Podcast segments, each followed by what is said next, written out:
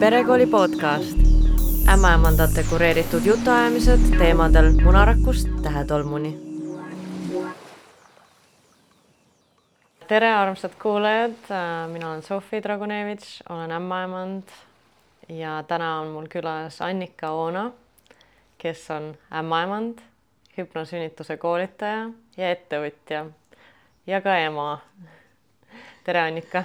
tere nii tore on siin olla nii tore, et tulid mulle Tartust külla. ja tulin rongiga jah, õnneks Eestis on ühistransport väga hästi arenenud nõustun, nõustun. aga ma siis ähm, kohe küsiksin ähm, su käest alustuseks, et kuidas äh, sa teadsid, et sinust saab ämmaemand sellega oli hästi huvitav lugu tegelikult, sest ähm, ma ei, ma ei olnud see inimene, kes oleks väiksena mõelnud, et ma tahan saada ämmaemandaks. Äh, ma tahtsin tegelikult hoopis saada näitlejaks. Äh, aga kuna ma ei saanud lavakasse sisse, siis ma mõtlesin enda peas, et okei okay,, mis on need asjad, mida ma pole kunagi mõelnud, et ma teha võiksin ja siis mul tuli kaks varianti, tuli ämmaemand ja tuli tuletõrjuja.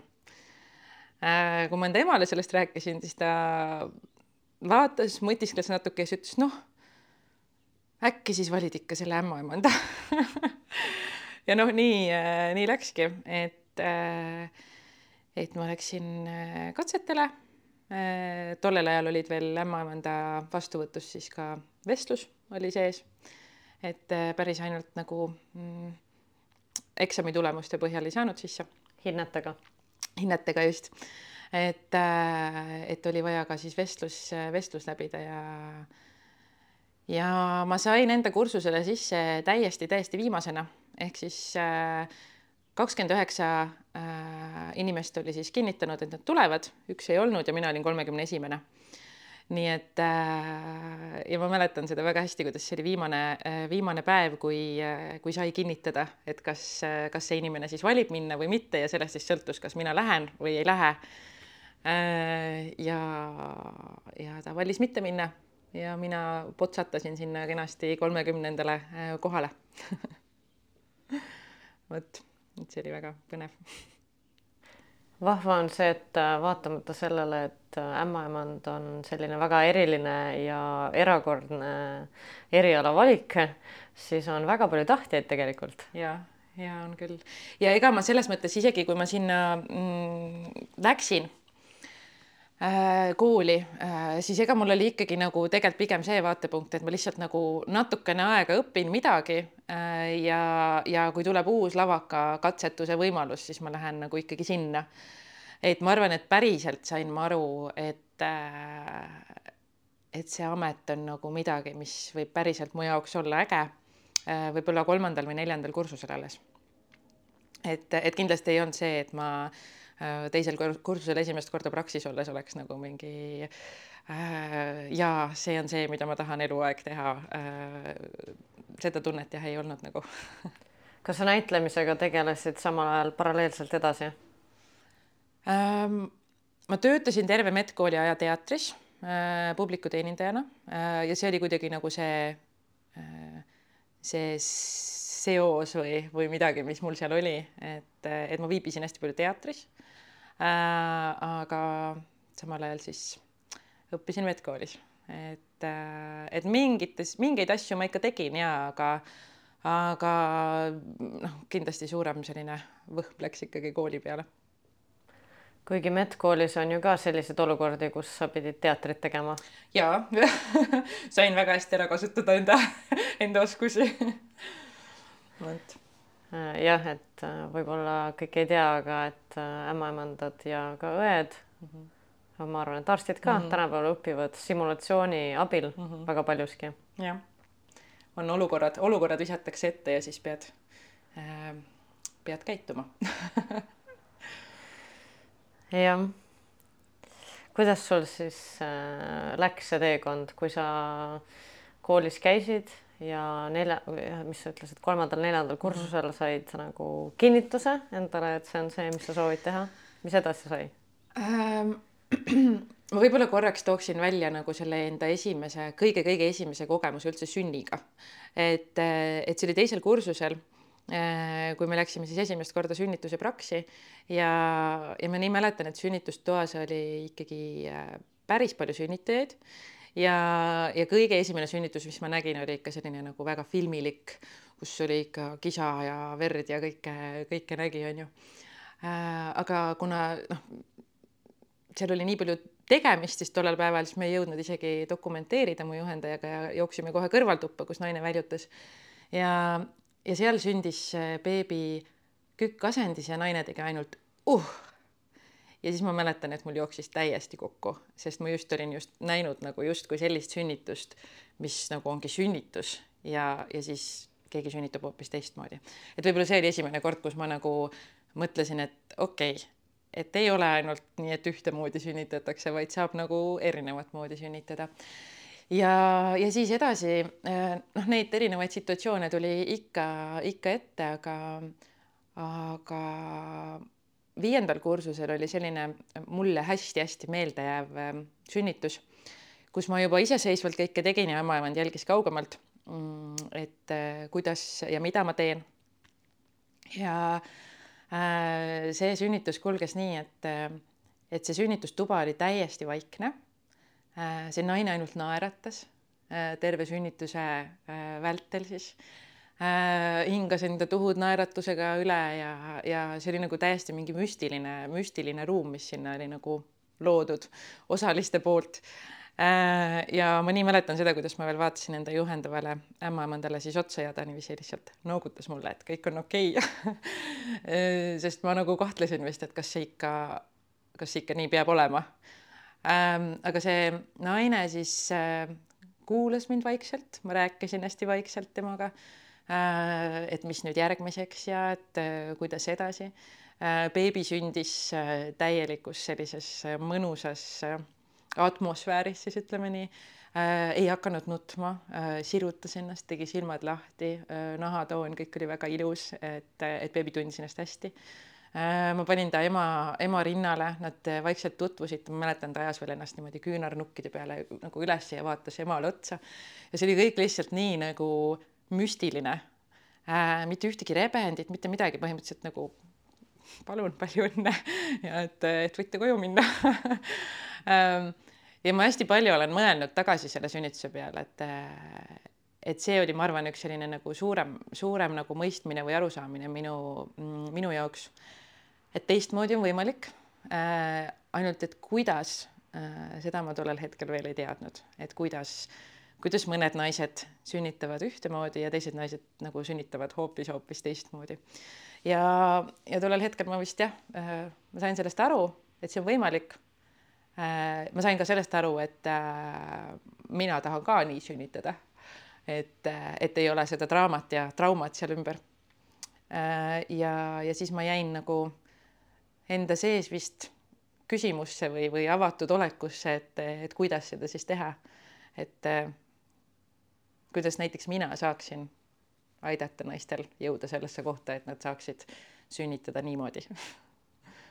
vot, et ma arvan, et võib-olla võib-olla äkki selline suurem sisemine teadmine tuligi selle ühe sünnituse juurest, kus, kus ma nägin, et teistmoodi on võimalik.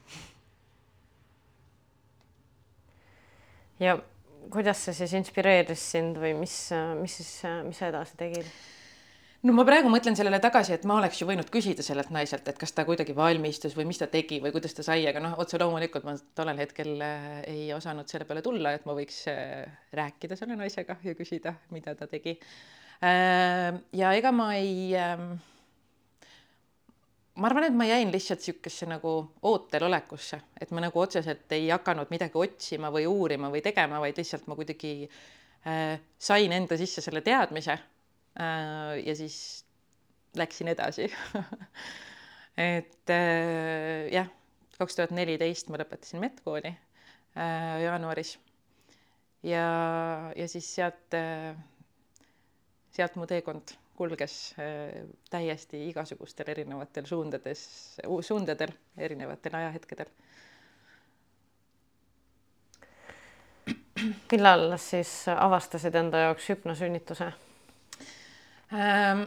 hüpnosünnituseni ma jõudsin ka väga sellisel ägedal viisil äh,. ma ei otsinud kindlasti seda aga ma käisin ühel sotsiaalmeedia turunduse koolitusel, kus äh, pidi siis tutvustama, et kes sa oled ja, ja mis sa teed. Äh, ja seal koolitusel oli ka Kiia Paal, kes on äh, siis hüpnosünnituse maaletooja Eestisse ja kes on Pehme sünnikooli looja. Pehme sünnikool asub, asub Tallinnas siinsamas Telliskivis, täiesti imelised, imelised, armsad ruumid ja õhkkond on sinna loodud. et üliäge ja seal ma siis kohtusin Kiiaga äh,, kuulsin esimest korda sõna hüpnosünnitus. minu peas tekkis kohe mustmiljon küsimust, et mis asja, ma olen ämmaemand, ma ei tea sellest mitte midagi äh,. et äh, et mis see siis on, äh, kohe tekkis vaatepunkt, et appi, et mina küll ei taha enda last nii sünnitada, et ma olen kuskil ära ja siis keegi toob mulle lapse ja ütleb, et mina sünnitasin, kuigi ma ise võib-olla ei teagi, et ma seda tegin ja kõike sellist. et äh, noh, paraku on see, et see sõna hüpnoos äh, või hüpno kuidagi jätab kohe sellise mulje, et, et keegi teeb kuskil nipsu ja pea kukub ja ei tea ega midagi ja räägid välja mingeid asju, mida ei taha rääkida ja kõike muud. aga tegelikult siis mm, osutus kõik hoopis, hoopis vastupidiseks Äh, ja, ja siis ma kohtusin Kiiaga, ta rääkis mulle lühidalt, äh, mis see endast kujutab. Äh, ja siis läks aega mööda ja kui ma jäin enda esimese lapse ootele, siis ma kohtusin Kiiaga uuesti. Tollel hetkel mul oli veel rasedus nii väike, et ega ma Kiiale ei öelnud, et ma beebit ootan ja, ja siis ta rääkis mulle sellest kõigest põhjalikumalt. see tundus mulle huvitav Äh, ja, ja kui ma olin kolmkümmend kuus, kolmkümmend viis või kolmkümmend kuus rasedusnädal, äh, siis, äh, siis Kiia täitsa niimoodi spontaanselt helistas mulle, kuule, hakkab täna Tartus tund, et, et kas tahad osaleda. Ja kuna ma olin suhteliselt alles jäänud ka vist dekreeti, siis, siis ma kohe mõtlesin, et aa oh, jaa, vabalt. Ja, ja läksingi siis kuulama. Ja, ja see oli äh, nagu väga tore just selle koha pealt, et äh, et see kõik oli nii loogiline, mis seal räägiti, et need olid nagu sellised meeldetuletused äh,, mis, mis ongi nagu, et see kõik on nii loogiline ja loomulik ja et ja et kui meil on see informatsioon ja kui me teame, kuidas ennast ise aidata äh,, siis tegelikult ongi kõik võimalik. Et see oli nagu üks selline väike ähm, säde võib-olla, mis mul nagu vilksatas, et oh, et äkki see on see, kuidas, kuidas saabki panustada äh, siis üldse äh, rasedatesse ja, ja sünnitajatesse. et äh, see oli väga selline äge. ma jõudsin käia kolma, kolmes äh, loengus ja siis ma läksin sünnitama et ma lõpuni ei jõudnud viite loengut teha kas sa saaksid sellest nagu natukene rääkida, et hüpnosünnitusest, mis see on, kust see tuleb ja? Ja äh, hüpnosünnitus on äh, siis äh, Marie Mongani poolt loodud äh, tehnika siis või tehnikate kogum äh, ta on kirjutanud ka raamatu selle kohta. Äh, aga raamat ja kursus ongi loodud siis tegelikult nagu paralleelseks kasutamiseks, et äh, üks toetab teist ja teine toetab esimest. ehk siis, et tihti ongi, et kui näiteks loetakse ainult raamatut, et siis võib jääda nagu äh, mingisugune info justkui saamata või võib tegelikult ikkagi tekkida mingisuguseid selliseid ähm, äh, kahetisi mõistmiseid võib-olla või, või midagi sellist. aga äh, minu jaoks äh,, mina tõmban täiesti selle hüpnosünnituse ja, ja loomuliku sünnituse vahele äh, paralleeli või võrdusmärgi, siis ütleme nii äh,, sest äh,, sest see on selline nagu keha usaldamine, enda usaldamine äh,, positiivne äh, mõtlemine me kõik ju teame külgetõmbeseadust on ju, et et see, mida me mõtleme, seda me enda ellu ka loome. Ja justkui siis vastu, vastu võtame.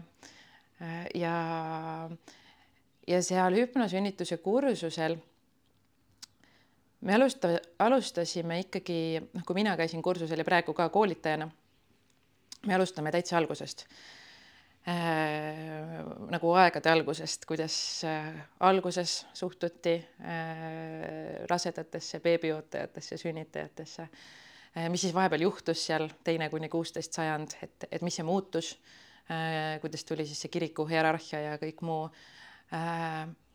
ja kuidas siis lõpuks jõuti tagasi selleni, et äh, et see loomulik sünnitus, et mis see siis on ja kuidas me saame äh, sellesse panustada äh, omalt poolt.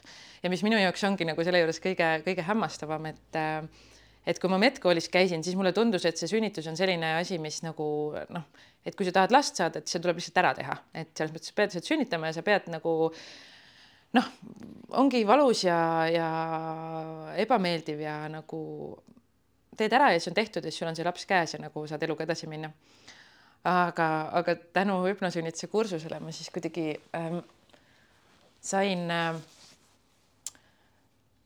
sain nagu arusaama või teadmise selle kohta, et äh, et me saame ise nii palju ära teha äh, selle jaoks, kuidas meie sünnitus tegelikult kulgeb.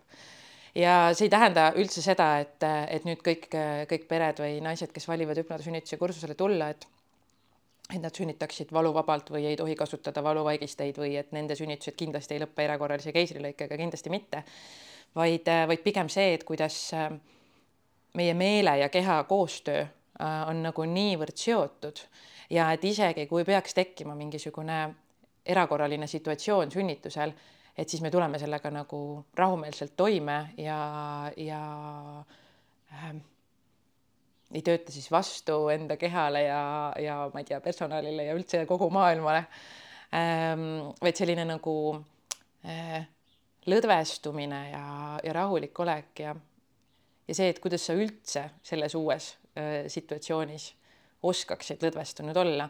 et ma olen hästi palju kuulnud äh, naistelt äh,, kes on varem siis sünnitanud äh, seda, seda lauset just, et äh, ämmaemand tuli ja ütles mulle, et äh, lõdvestu, hinga aga kuidas, seda keegi mulle ei öelnud, et kuidas ma nagu jõuan sinnamaani, et ma päriselt saaksin nüüd lõdvestuda, kui mu keha teeb mingeid selliseid asju, mida ma varem pole üldse kogenudki, et, et keha teha võiks, on ju.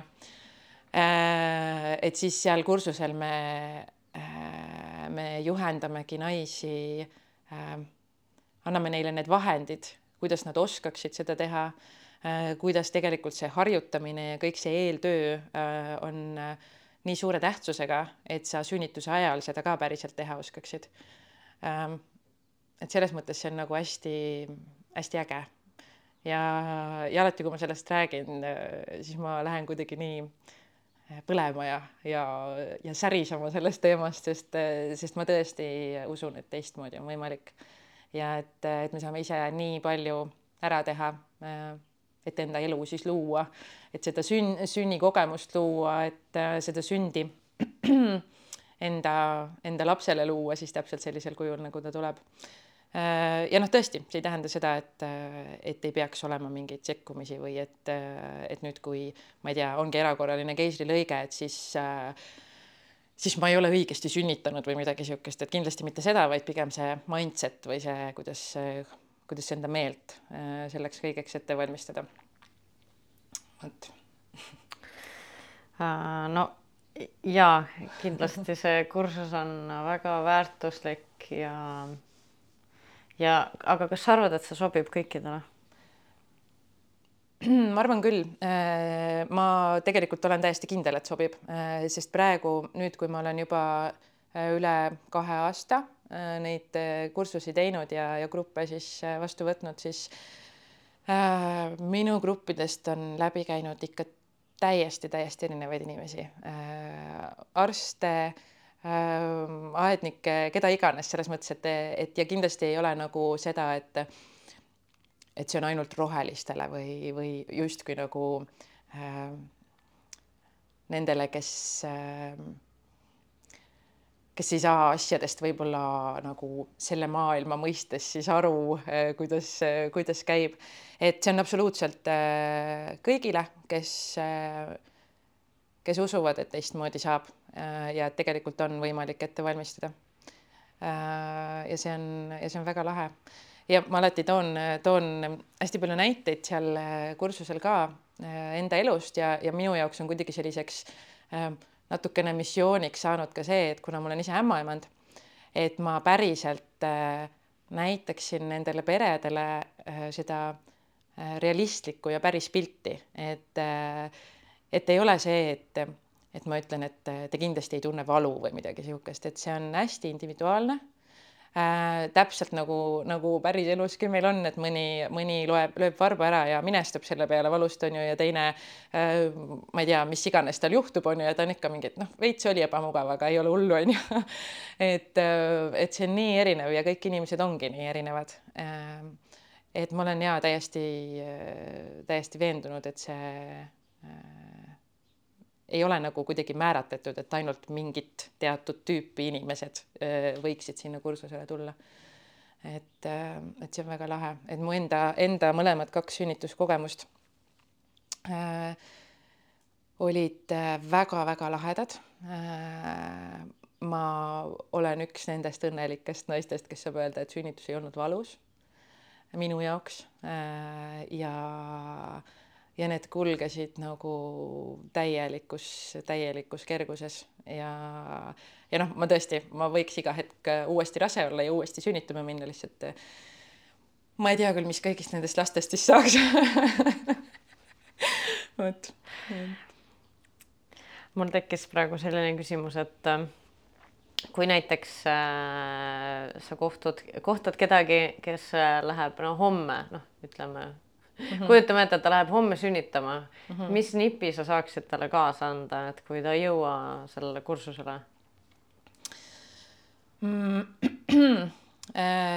ma küsiksin kõigepealt kohe, kas talle tuleb sinna kaasa kaaslane, äh, kas tal tuleb kas siis mees või, või sünnitoetaja või keegi, kes Äh, või ta läheb sinna üksinda, et seal on juba see, et kas see sünnitoetaja saab, äh, saab panustada sellesse protsessi ka. Äh, siis ma õpetaks talle, ma arvan, ära kaks sellist põhihingamist, sest hingamine on nagu kõige sellisem olulisem. ja ma arvan, et ma õpetaks siis tema partnerile võib-olla mingeid selliseid äh, kiiresti omandatavaid äh, nippe ja punkte, kuhu vajutada või, või kuidas siis võimestada seda naist, et minu meelest, minu meelest see on ka hästi-hästi oluline, kui, kui see keskkond, kus, kus siis see sünnitus toimub, on hästi toetatud. ehk siis, et ämmaemandad peavad olema nagu võib-olla nagu näitlejad kes kohanevad nagu iga, iga olukorraga ja saavadki aru, äh, missugune see naine on, kes sünnitab, et mida tema äh, just soovib, äh, sest mõni naine soovib, et talle öeldakse konkreetselt nii, nüüd lähme sinna, nüüd tee nii, nüüd tee nii, teine naine on see, kes soovib, et talle lihtsalt tehakse pai ja öeldakse, et sa oled suurepärane ja sa saad nii hästi hakkama. et, et kuidagi see tunnetus peab olema äh, olemas, et mida, mida keegi küsib, mida keegi äh, soovib siis saada, äh, millist panust ta soovib saada selle sünnituse käigus ähm,. Ma nüüd vist läksin sellest küsimusest täiesti eemale, mis sa, mis sa küsisid ei läinud, ei läinud. Äh, järgmisena ma tahtsin küsida, et kuidas see on sinu tööd ämmaemandana mõjutanud, see, et sinust on saanud hüpnosünnituse koolitaja ähm,? ma arvan, et on ikka mõjutanud. ma ei oska nüüd selles mõttes öelda, et, et kui palju, sest ma olen alati olnud oma loomult uskuja, et, et teistmoodi on võimalik ja et kõik ei pea olema nii, nagu maailm justkui ütleb, et ta peab olema, et, et ma kuidagi nagu usun nendesse võimalustesse, mis meie ümber tegelikult on, kui me, kui me neid valime.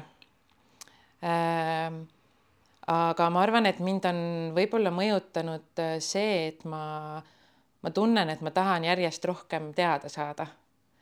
et äh, just nagu selle ämmaemanduse vallas ka, et eelmisel aastal ma käisin kahel äh, väliskoolitaja koolitusel, mis olid hästi-hästi põnevad. üks oli siis Naoli Vinaveri koolitus, kes on siis Mehhiko kodusünnituse ämmaemand, kes rääkis meile enda tehnikatest ja õpetas kasutama siis Rebozo salle, et kuidas sellega siis sünnitust toetada ja, ja seda sünnituse protsessi siis sellesse nagu panustada ja kaasa aidata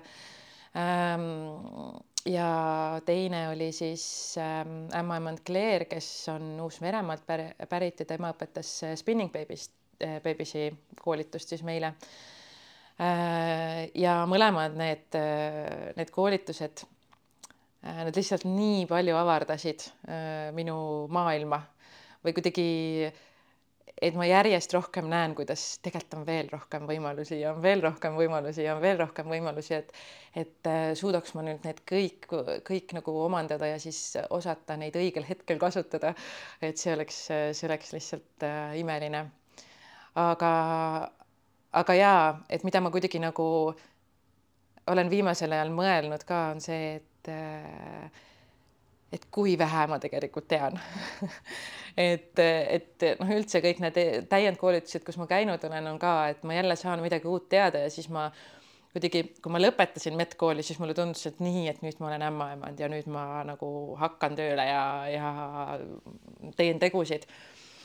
aga mida aeg edasi, seda rohkem ma saan aru, et et ma tean alles nii-nii vähe ja tegelikult on nagu nii palju rohkemat mida me saame teha, kuidas me saame toetada äh,, kuidas me saame mingisuguseid olukordi muuta puhtalt sellega, et me, ma ei tea, teame näiteks äh, beebi asendi kohta äh,, mis mõjutab sünnituse kestvust ja, ja tihti ka naise mingisuguseid valupunkte ja, ja kõike muud, et et kui me suudaksime need teadmised nagu kõik endaga haarata ja siis neid kasutada nende, nende sünniprotsesside ja, ja toetuste juures, siis äh, siis kui palju me tegelikult saaksime nagu nende perede ja naiste kogemust muuta sellega ja, ja nende beebide alguseid siis, elu alguseid.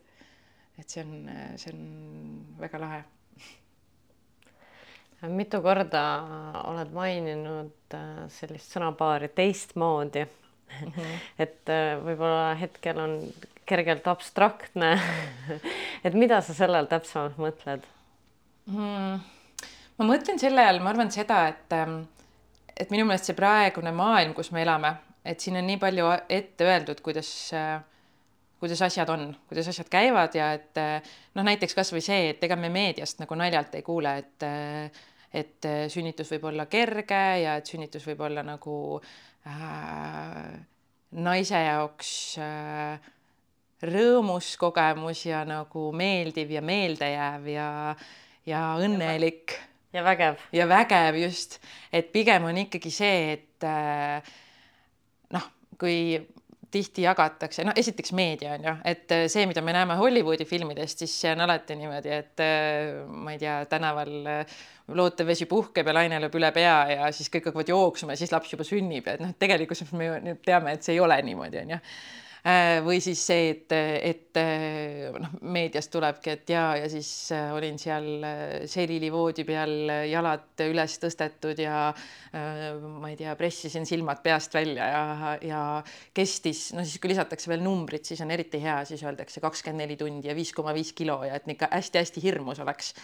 et et tegelikkuses ma nagu mõtlengi, et, et see ei pea olema ja ma nii, nii väga tahaksin, et äh, noh, et see teistmoodi ongi, ongi just see, et ähm, et me saame nagu valmistuda, me saame teha oma valikuid ja need valikud siis äh, omakorda saavad luua meie elu ja see ei pea olema ainult sünnituse valdkonnas, see võib olla ükskõik millises valdkonnas äh,. ehk siis, et, et me ei pea võtma nagu tõe pähe kõike seda, mida meile mm, justkui väljastpoolt öeldakse, et nii on, vaid me peaks kuulama iseenda sisetunnet ja, ja usaldama seda sisetunnet. Äh, sest tegelikult äh, ma tõesti usun, et, et kui me võtame nendel otsustushetkedel siis korraks nagu aja maha või, või teeme enda jaoks selle stopp-kaadri ja ja küsime, mis, mis minu jaoks loob siin praegu, milline valik minu jaoks loob siin praegu. ja kui me saame enda sees selle vastuse, siis see ongi see õige valik, mis sinu jaoks töötab. et, et noh, ma mõtlen kasvõi seda, et et koolitusel mul vahest on käinud naised, kes ütlevadki mingi, et ei, et noh, et ma tahaksin ikkagi valuvaigesti vaba sünnitust on ju ja et, et ma ei taha kasutada midagi. ja siis ma ütlen neile alati, et see on väga äge, et muidugi see võib olla sinu soov, aga jäta endale see võimalus, et kui sa oled seal sünnitusprotsessis ja, ja kui sa noh, me keegi ei tea, kui kaua äh, see sünnitus võib noh minna, kui ta on beebiootel veel on ju, et et kui sa oled seal protsessis ja sa ühel hetkel tunned, et sa ikkagi tahad, et siis see ei ole nagu vale valik, vaid see ongi see valik, mis, mis on sinu õigus. ja, ja sa võid seda valida. isegi siis, kui sa varem oled mõelnud, et sa kindlasti ei taha, et, et tehagi see stopp-kaader, et, et mis praegu selles hetkes panustab kõige rohkem minule, minu beebile ja sellele sünnitusprotsessile ja siis võib-olla ongi see, et, et ma ei tea, valitaksegi see epiduraal ja, ja on ma ei tea, tunni aja pärast beebi sündinud on ju, noh, see ei pea nii olema, lihtsalt praegu üks näide. et äh, ehk siis kuidagi nagu võimestada iseennast usaldama. et see, see teistmoodi, et praegu usaldatakse hästi palju seda, seda maailma, mis äh, justkui meie ümber ütleb, äh, kuidas asjad käivad, aga, aga minu meelest järjest vähem äh, toimub see iseenda usaldamine ja enda nagu instinktide äh, usaldamine et äh, tegelikult on sünnitus äh, täiesti instinktidel põhinev siis.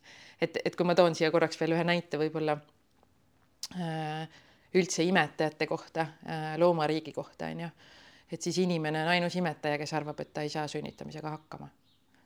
et miks see nii on vot sellised mõtted ja ainus imetaja, kes maksab üüri. jah, just ja veel igasuguseid muid, muid asju. et, et tegelikult jah, see sünnitus on ju äh, keha selline loomulik, loomulik tegevus, kui on, kui on terve naine ja, ja terve beebi, et siis ei peaks seal justkui olema mingisuguseid takistusi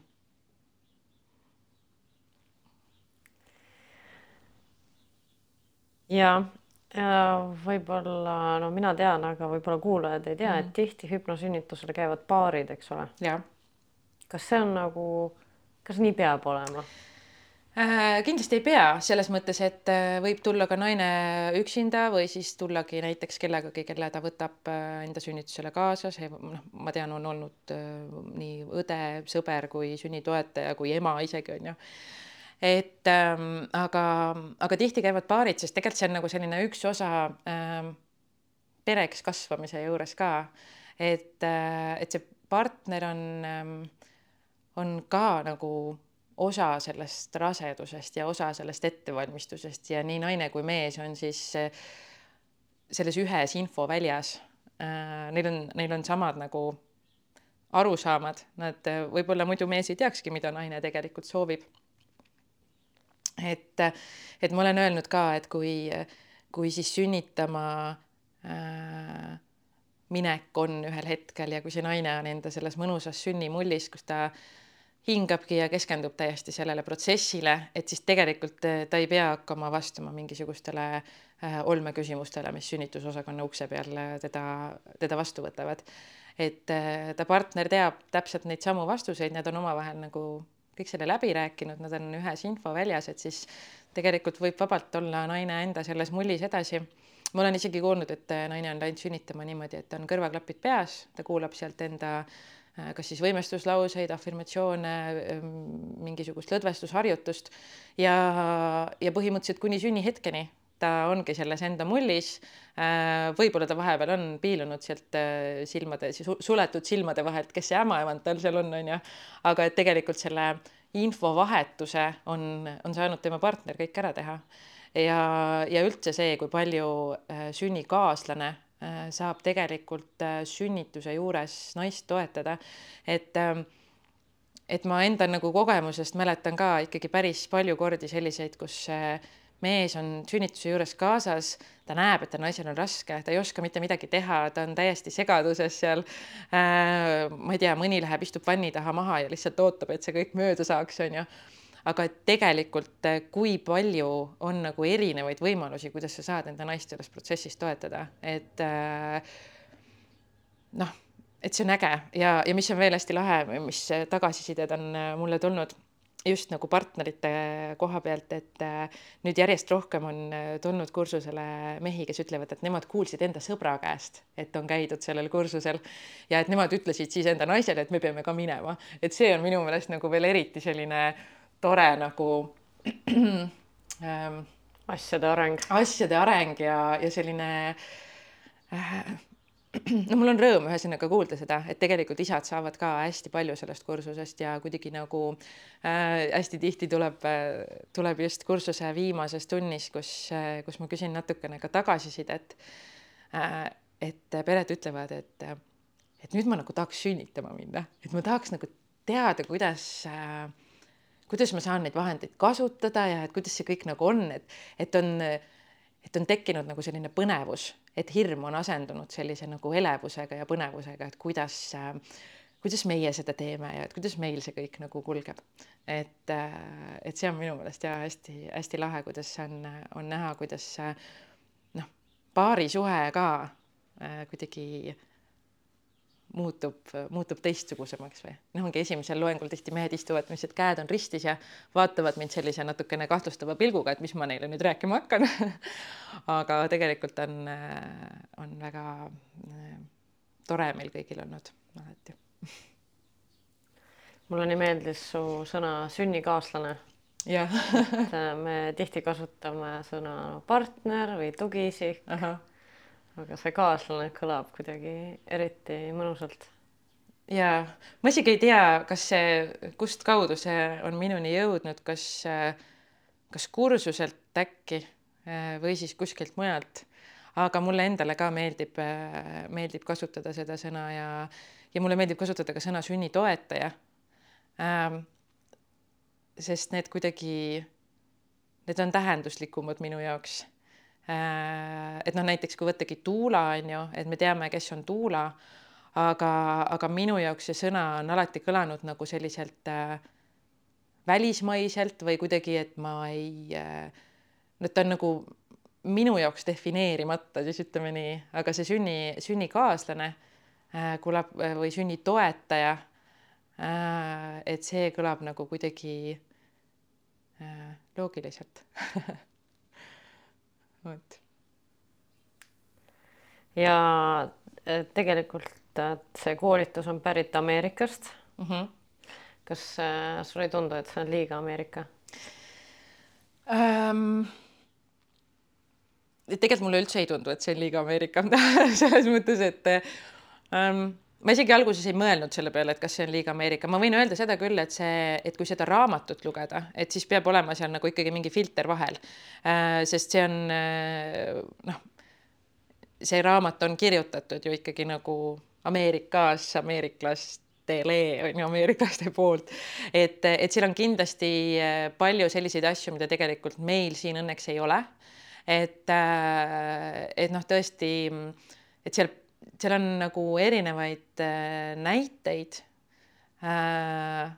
aga noh, ongi, et seal peab olema see nagu filter vahel, et tegelikult meil Eestis on väga-väga hästi, et äh, et noh, nuriseda saab alati aga, aga tegelikult meil on äh, võrreldes mingite maailma paikadega ikka väga hästi selle, selle ähm, sünnituse osaga, raseduste jälgimise osaga, sünnitusjärgse osaga, et äh, alati saab paremini, otse loomulikult, aga aga noh, ongi mm, lugedes mingisuguseid artikleid või kuulates mingisuguseid välismaa lugusid, siis äh, tihti mõtled küll, et ossa poiss, et äh, päris keeruline, et kuidas nagu selles, selles süsteemis seal oleks nagu toimida või siis siin, et siin ikkagi tegelikult äh, noh, ongi, kui sul on näiteks sünniplaan tehtud või midagi, et siis kui tõesti ei ole selline valve, äh, siis ämmaemand ikkagi loeb selle läbi ja loeb, äh, mida, mida sa eelistad või mida sa nagu soovid või mis on sinu mõtted sellega seoses.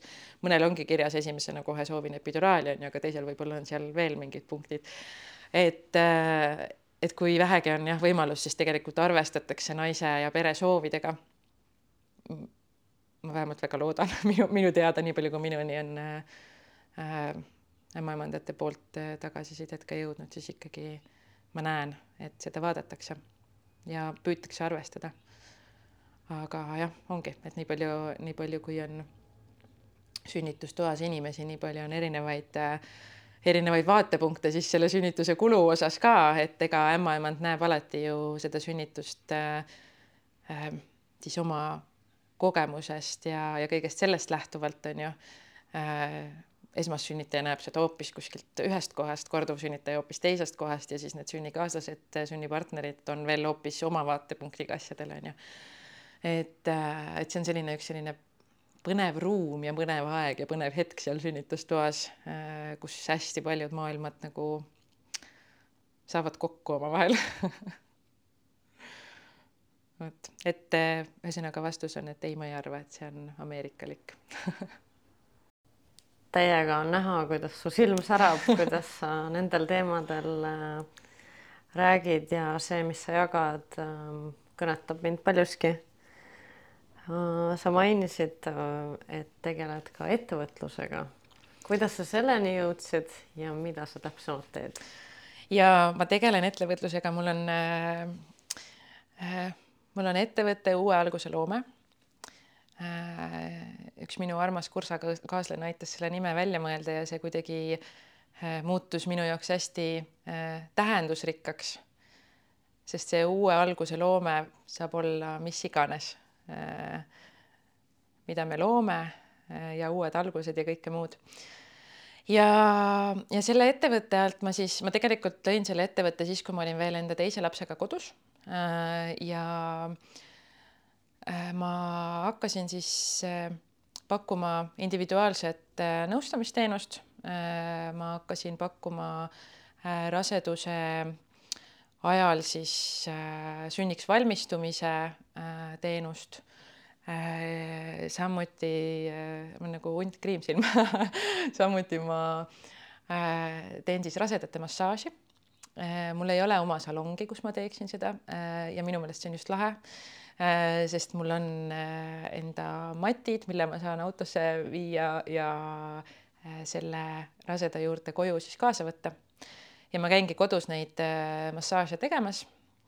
Äh, ja siis ma teen veel äh, kinesioteipimist, et toetada siis, kui rasedal on näiteks seal raseduse lõpujärgus kas siis sümfüüsivalu või seljavalu või et see, et see teipimine tegelikult on ka päris lahe moodus, kuidas siis keha toetada. Ja, ja, ja nüüd äh, augustis, äh, kui Naoli Vinaver käis, siis me õppisime ka naturaalset ultraheli, äh, mida ma olen nüüd praktiseerinud ja käinud, käinud siis naistele tegemas kõhujoonistusi, et see on hästi nagu äge ja ja põnev, et tegelikult see ei ole nagu üldse keeruline ja, ja ma ei tea, kas seda üldse nagu peab sellisel kujul õppima, et seal peab olema nagu see, see soov äh, ja tahtmine seda teha et, äh, et ma usun, et enamik ämmaemandaid oskaks seda teha, et kasutavadki Leopoldi võtteid ja, ja määravad äh, kõhus beebi, beebi asendi ja siis joonistavad kõhupojale need, need kontuurid justkui, et kuidas see beebi seal kõhus on. ja seda on nii äge nagu vaadata ka, et, et kui ma käisin Naoli koolitusel, siis tema rääkis, et kuidas tema selle siis lõi niimoodi, et äh, Mehhikos äh, paljud beebiootajad siis olidki kuskilt kaugetest paikadest pärit ja ultrahelist ei teatud midagi. ja kuidas nad siis ikkagi olid kuulnud seda sõna ja tahtsid teada, mis see on. ja Nauli siis jõudis selleni, et noh, et aga ma siis joonistan sulle kõhu peale, et sa saaksid aru, mis, mis see tähendab. ja noh, sellest tuligi siis see sõna naturaalne ultraheli äh, ja, ja ta ütles või noh, kirjeldas ka seda, kuidas, et nii äge oli vaadata, kuidas nende naiste nagu äh, justkui et see kõik muutus nende jaoks rea reaalsemaks või realistlikumaks, et nad päriselt nägidki, et ahah, et mu beebi ja sellises asendis ja nagu kuidagi äh,, et oli näha, et see tegelikult hästi kõnetas neid ja hästi-hästi meeldis neile. ja, ja pärast seda koolitust ma äh, mõtlesin, et, äh, et see on nii nagu äge asi ja tegelikult ei äh, ei nõua minult muud kui ainult seda aega siis äh,, mida, mida ma saan koos selle perega siis äh, olles äh, kasutada, et neid joonistusi teha. Ja ma kasutan selleks siis sellist täitsa lihtsat näomeigi vahendeid ehk siis erinevad laovärvid, tuulepulgad, silmapliiatsid, millega ma kõhu peale joonistan, ehk siis et need ei ole nagu sellised püsivad joonistused, mis sa teed endale kõhu peale ja siis käid raseduse lõpuni, vaid pigem on nad sellised äh, nagu jäädvustamiseks, et sa teed, teed sellest pilti ja see jääb sulle nagu mälestuseks. ja enne magama minekut pesed maha või siis saavad linad mustaks. Vot, et see on, see on ka üks, üks väga tore äh, asi. äh, minu meelest. Ja kui ma olen käinud nüüd siin Eesti, Eestis naiste juures neid tegemas ka, siis see on kuidagi nii äh, äh, tore avastus nende jaoks ka, et, et nad ütlevadki, et nii äge on, et kuigi nad ju saavad aru, et ega ma ju ei joonista sellele lapsele seda nägu, millega ta sünnib, on ju, või, või noh, et see on ikkagi nagu äh, noh, abstraktne sellisel kujul äh,, aga, aga ometi see annab neile nagu kuidagi äh, eriti tore on, kui see beebi päriselt ka jääb sellesse asendisse äh, kuni joonistuse lõpuni ja siis äh, see naine tunnetab seda samal ajal, kui ta näeb seda pilti kõhu pealt. et äh, olen ka joonistanud selliseid beebisid, kes lihtsalt nagu keerutasid terve aja, kui ma joonistasin, siis lõpuks sai lihtsalt äh, üks beebi kõhule asendis, ma polnud küll päris kindel lõpus. Vot. Et ühesõnaga jaa, ma kuidagi olen võtnud selle mm,, selle suuna, et, et kuidas saab toetada naisi ja kui ma veel ei olnud siis ämmaemand eh, nüüd pärast enda, enda laste sündi, kui ma nendega veel kodus olin, siis ma käisin ka sünde toetamas, sünnitoetajana siis, kui näiteks oligi, et kas kaaslane siis ei saanud kaasa tulla või ei tahtnud kaasa tulla või ei olnudki. et siis ma käisin, käisin toetamas. vot et selline ettevõtmine jah, see kõhu peale beebi joonistamine tekitab nagu inimestes selle suurema ühenduse on ju mm. -hmm. Mm -hmm. ja et nad saavad kuidagi nagu kontakti või et see nagu muutub nende jaoks nagu realistlikumaks, et äh, et nad päriselt näevad ja neil tekib nagu see kujutluspilt, et et ongi beebi ja, ja pea ja jalad. ja pea ja jalad ja kus see pea täpselt on ja, ja ja noh, et eriti äge on veel siis ka, kui nad tõesti noh, et ongi kirjeldanud, et kuhu see jalg siis võib-olla nügib kõige rohkem ja kui see jalg päriselt ka sellel hetkel nügib, kui ta seda pilti näeb, et siis, siis see tekitab neis veel eriti nagu sellise ägeda äh,, ägeda vau-efekti, et aa, ta ongi täpselt selles asendis praegu. et see on lahe kas äh, need on populaarsed äh, asjad, et kas inimesed üldse teavad nende kohta midagi? no tegelikult ka rasedate massaaž mm. -hmm on noh, massaaž üldiselt inimestele nagu üldse, kui sa mõtled, on ju massaaž on mõnus mhm. -huh. lõõgastab uh, -huh. et kas rase naine üldse tuleb selle peale, et massaaži minna? Ma arvan, et see täitsa olenebki sellest, et kui palju ta ise on nagu huvi tundnud, et mis võimalused rasedatel on, et äh, kindlasti on ka neid, kes lihtsalt äh, noh, kannavadki enda rasedust ja siis äh, lähevad sünnitama ja tegelikult ei ei valmistu ja ei mõtle selle peale võib-olla liiga palju. aga, aga teised ähm, no ikka jõutakse ikka jõutakse minuni, ma ei saa nüüd öelda, et liiga, liiga tihti seda on, aga ega ma ei ole ka nagu võib-olla liiga palju seda nagu püüdnud reklaamida või, või kuidagi ma olen jaganud seda enda, enda lehel Äh, ja tihti liigub see ka ikkagi suust suhu, nagu paljude, paljude asjade puhul on. Äh, noh, täpselt sama selle joonistuse puhul ka, et ma tegelikult ei usu, et väga paljud sellest teavad, et see on pigem nagu see, et kui keegi on kuulnud või kogenud, siis see nagu niimoodi taaskord liigub ühelt, ühelt rasedalt teisele või siis, kui äh, ongi keegi beebiootaja, siis mõnda aega hiljem jääb mõni sõbranna, siis ta teab, et oli selline kogemus kellelgi. et aga ma pigem arvan, et jah, liiga palju ei äh, ei teata võib-olla. kas sul on mingeid mõtteid, mida sa tahaksid veel äh, pakkuda?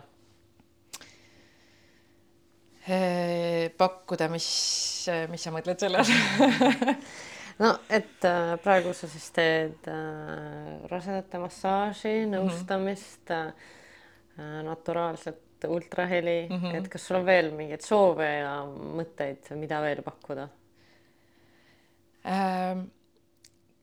kui ma käisin seal Spinning Babysi koolitusel äh,, siis see mind hästi tegelikult motiveeris ka, et kui äh, kui palju sõltub sellest beebiasendist ja kui palju naine saab väljaspoolt ära teha, aga, aga seda koolitust ma veel ei ole läbinud, et ma saaksin siis äh, perede, peresid koolitada äh, sellel teemal, et ma tean, et Eestis on küll äh, nii tuulasid, sünnitoetajaid, kes, kes seda pakuvad.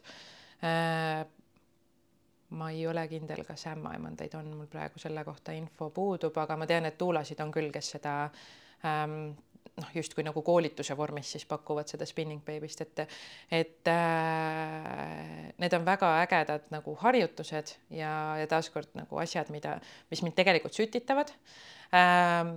aga võib-olla ühel hetkel ma jõuan sinnamaani et, et ka seda nagu äh, õpetada või, või selles siis toetada.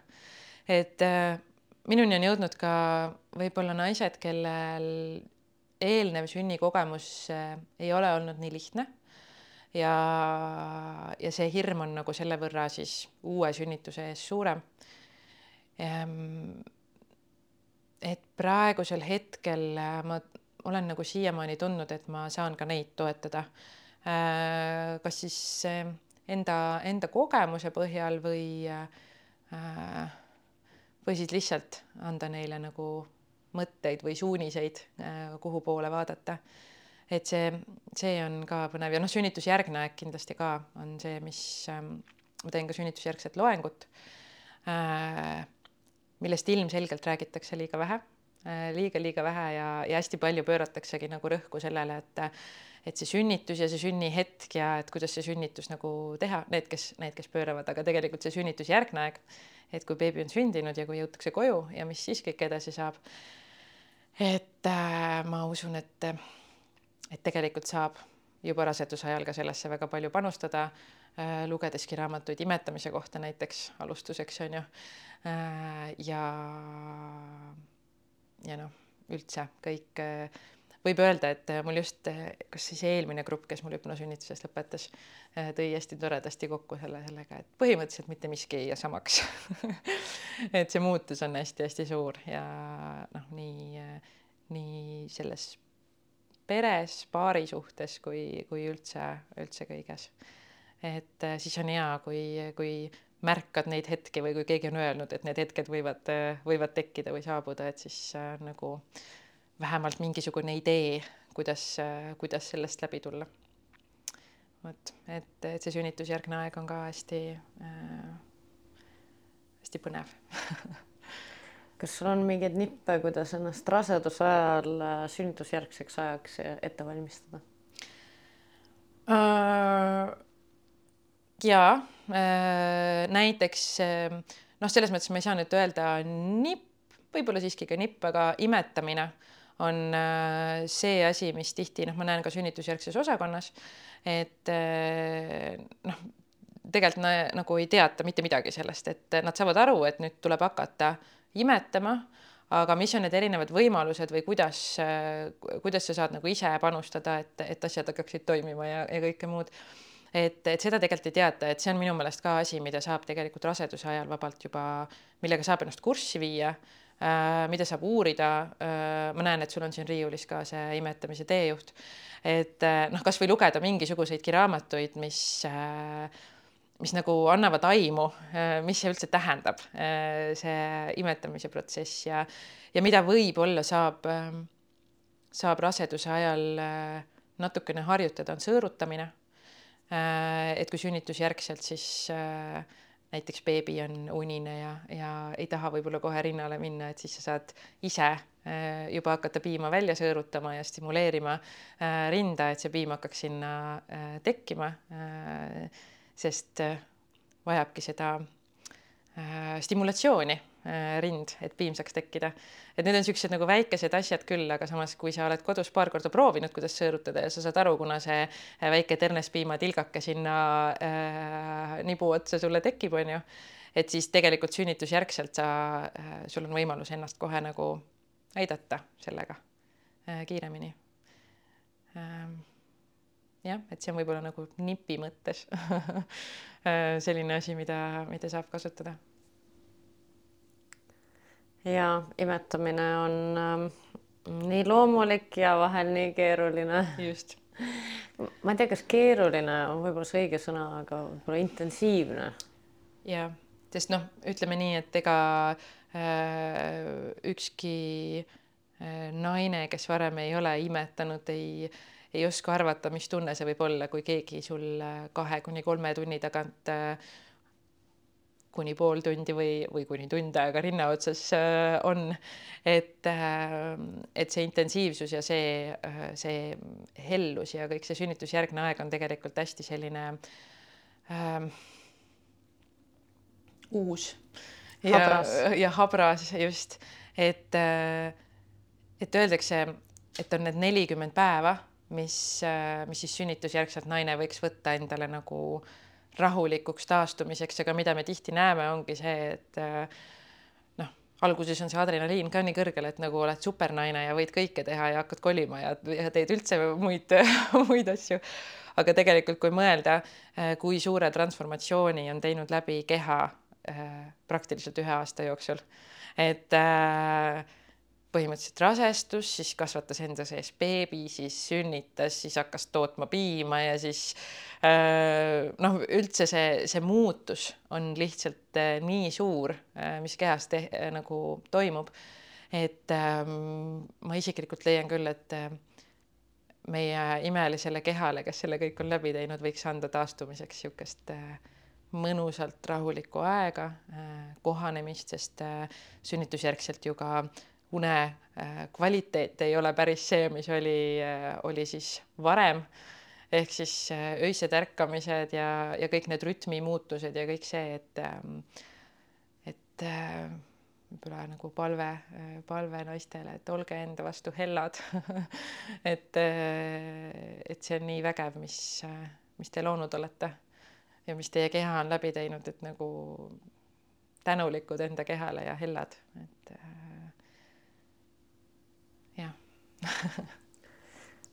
mulle tundub, et äh, lisaks äh, sellele, et äh, tänapäeval on ikkagi üsna levinud sünnituseks ettevalmistumine mm, -hmm.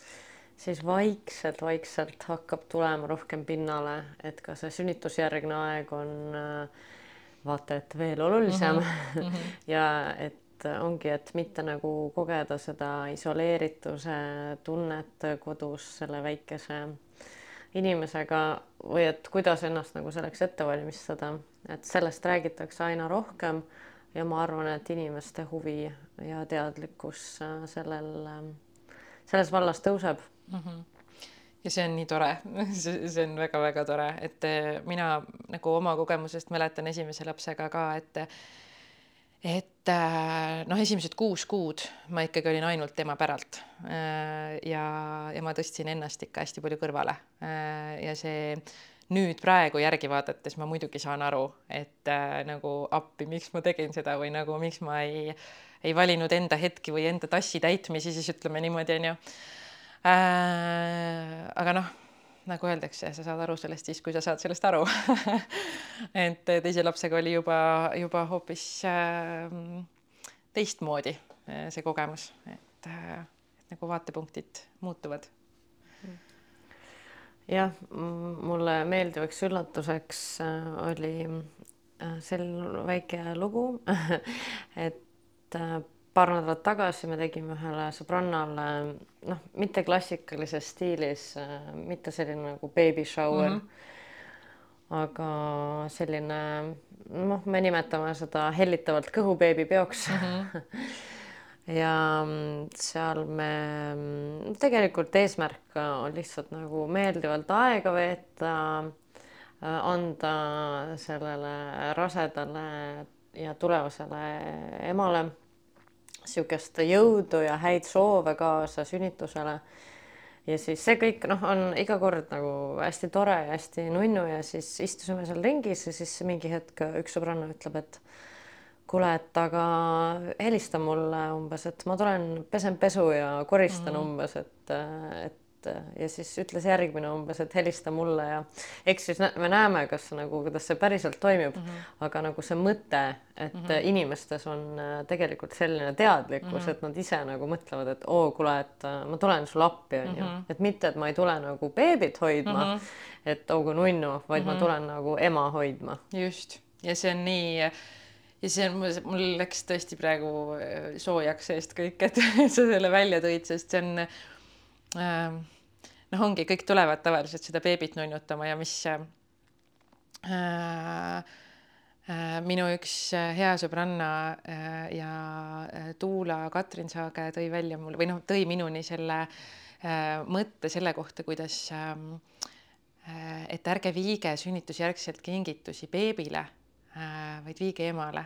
ja ta tõi selle mõtte minuni, et on olemas selline asi nagu külluse korv. Ja et kuidas sinna külluse korvi sa saad panna nagu kõike, mis panustab emasse.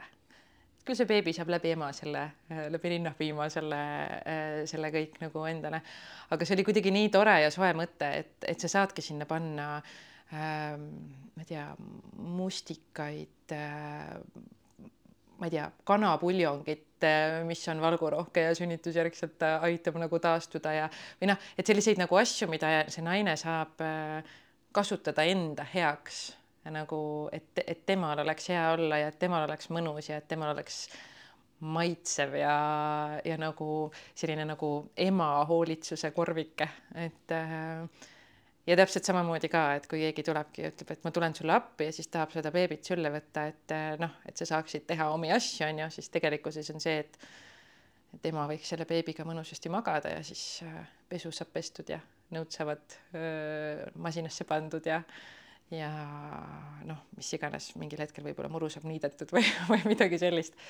et nagu panustada just äh, nende olme asjadega et, et see on nii tore, sest no vanasti ju ammu-ammu ähm, elatigi ju kogukondades äh,, kus elasidki suured pered koos, kus olid emad, õed, vanaemad, kõik ja kõik tegelikult toetasid üksteist nagu kogu aeg, et praegu on kuidagi see aeg, kus äh,, kus me kõik oleme justkui üksi ja peame üksi hakkama saama äh,. aga, aga nagu see kogukond meie, meie ümbert äh, sellisel kujul justkui nagu puudub, et äh, jah.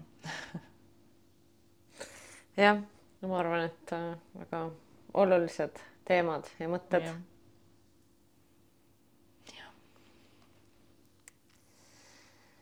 nii, mis meil veel siis on teemaks? Hmm. tavaliselt ongi nii, et kui mingi selline soe mõte saab jagatud, siis tekibki mingi selline rahu ja paus mm. -hmm. et ja ma soovin, et kõikidel äh, emadel oleks rohkem rahu. jah, ja toetust, sest äh, no ma ikkagi mõtlen ka seda, et äh, nagu enda puhul ma nägin ka, et, et mingid inimesed su ümbert kaovad ära äh, pärast, pärast seda, kui sul on väike beebi ja justkui nagu äh, uus prioriteet, äh, keda sa pead ju elus hoidma, äh, vähemalt alguses. Äh, ja, ja minul endal ka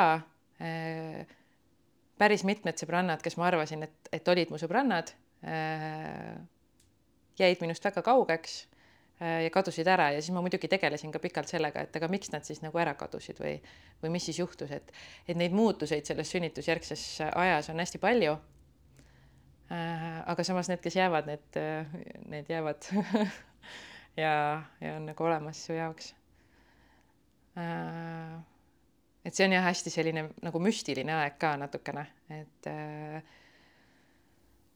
pooleldi magamata. pooleldi magamata, sa oled kuskil mingisuguses, elad kuskil mingisuguses kohas ja enda asjadega, aga samas on nii suur panus, kui sulle keegi tulebki kasvõi külla, kellega kui näiteks ongi selline tüüpiline muster, mis tavaliselt on, mis ka praegu on muutumas, et ema on lapsega kodus ja mees käib tööl, on ju, et siis kõik need pikad päevad, mis sa lapsega kodus oled, et, et kui sulle tulebki keegi külla, et äh, et kasvõi lihtsalt sinuga koos telekat vaadata ja mitte midagi teha, on juba nagu noh, nädala highlight nagu kõrgem koht, kus nagu toimus midagi teistsugust. et mitte, mitte see, et see ei tähendaks seda, et, et sa ei armastaks oma last või et sa ei tahaks temaga koos olla, vaid pigem see rutiini muutus on lihtsalt nii või noh, see rutiin üldse ja see nagu elu muutus ja see enda ego kõrvale tõstmine ja kõik muu on nagu nii suur et, et igasugused sellised väiksed panused on nagu väga teretulnud eks see maailm vaikselt äh, niimoodi muutub mm. -hmm. kui me ise mingeid väikeseid asju muudame. ja ma leian ka seda, et äh, noh, mitte nüüd minu mõte, vaid kellegi, kellegi teise mõte kuskilt maailmast, ma ei oska küll tsiteerida, aga et äh, me peame ise olema see muutus, mida mida me tahame maailmas näha, ehk siis vaikselt-vaikselt liikuda sinnapoole tahaks öelda, et see oli Gandhi, aga ma, ma praegu ka ei tule. jah, et aga mõte on ilus jah. ma tahtsin veel uurida, et kas sul on ka eeskujusid mm.? eeskujusid äh kindlasti on üks äh, minu väga suur eeskuju minu kunagine õppejõud, äh, minu mõlema lapse sünni vastuvõtja äh, või sünni juures viibija, viibinud inimene, sünnikaaslane ja nüüdseks ma tahaks öelda, et minu hea sõber Siiri Põllumaa, kes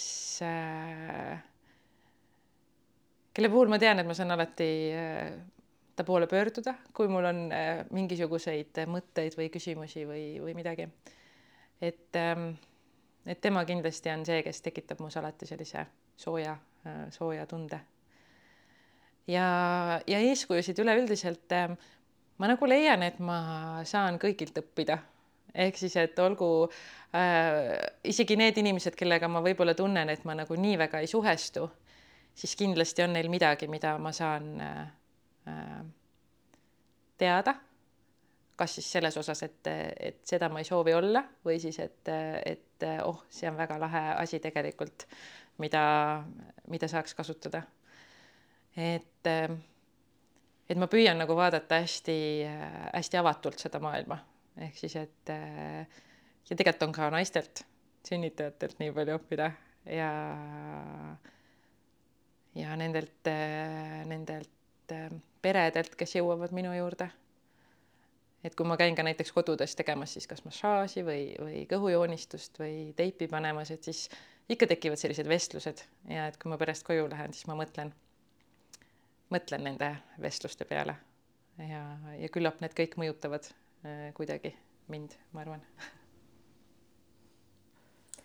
ja kui sa saaksid midagi jagada ise maailmaga, saaksid panna plakati linna peale, mis sa kirjutaksid sinna äh,? mul praegu, kui sa küsisid äh,, tuli selline mõte, et, et ma kirjutaks sinna, et usalda ennast äh,. jah, nii kirjutakski et see on, see on suur oskus. usa-, usaldada ennast ja protsessi. Äh, ükskõik, kuidas see siis äh, kujuneb ja kuidas see läheb. ja, ja tänulikkus ka. et kõik, kõik, mis meie elus toimub, toimub nagu mina leian mingi põhjusega ja, ja viib meid edasi siis äh, sellesse järgmisesse kohta, et võib-olla me isegi ei näe äh, sellel hetkel, et, äh, et miks mingi asi toimub. aga kunagi hiljem me vaatame tagasi ja meil on mingi, aa, okei okay,, et sellepärast, et sellepärast äh, see praegu oli, et mulle hästi meeldib, meeldib küsimus, mida ma olen enda, enda elus endalt väga-väga-väga palju kordi küsinud. on see, et mis on selles õiget, mida ma praegu ei näe ehk siis, et kui on mingisugune olukord, mis tegelikult ma saan aru, et mulle üldse ei meeldi ja et, et ma ei tahaks, et see nii oleks ja ma tahaks seda muuta, siis ma küsin või viskan õhku maailma selle küsimuse, et mis on selles õiget, mida ma praegu ei näe.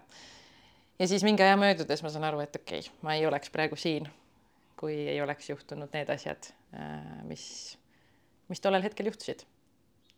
ja ma ei oleks täpselt selline, nagu ma olen ehk siis jah, tänu, tänulikkus ja usaldus on need põhimärksõnad, ma arvan. aitäh sulle su äh, inspireerivate ja mõtlema panevate jagamiste eest. aitäh, et sa mind vastu võtsid, nii tore oli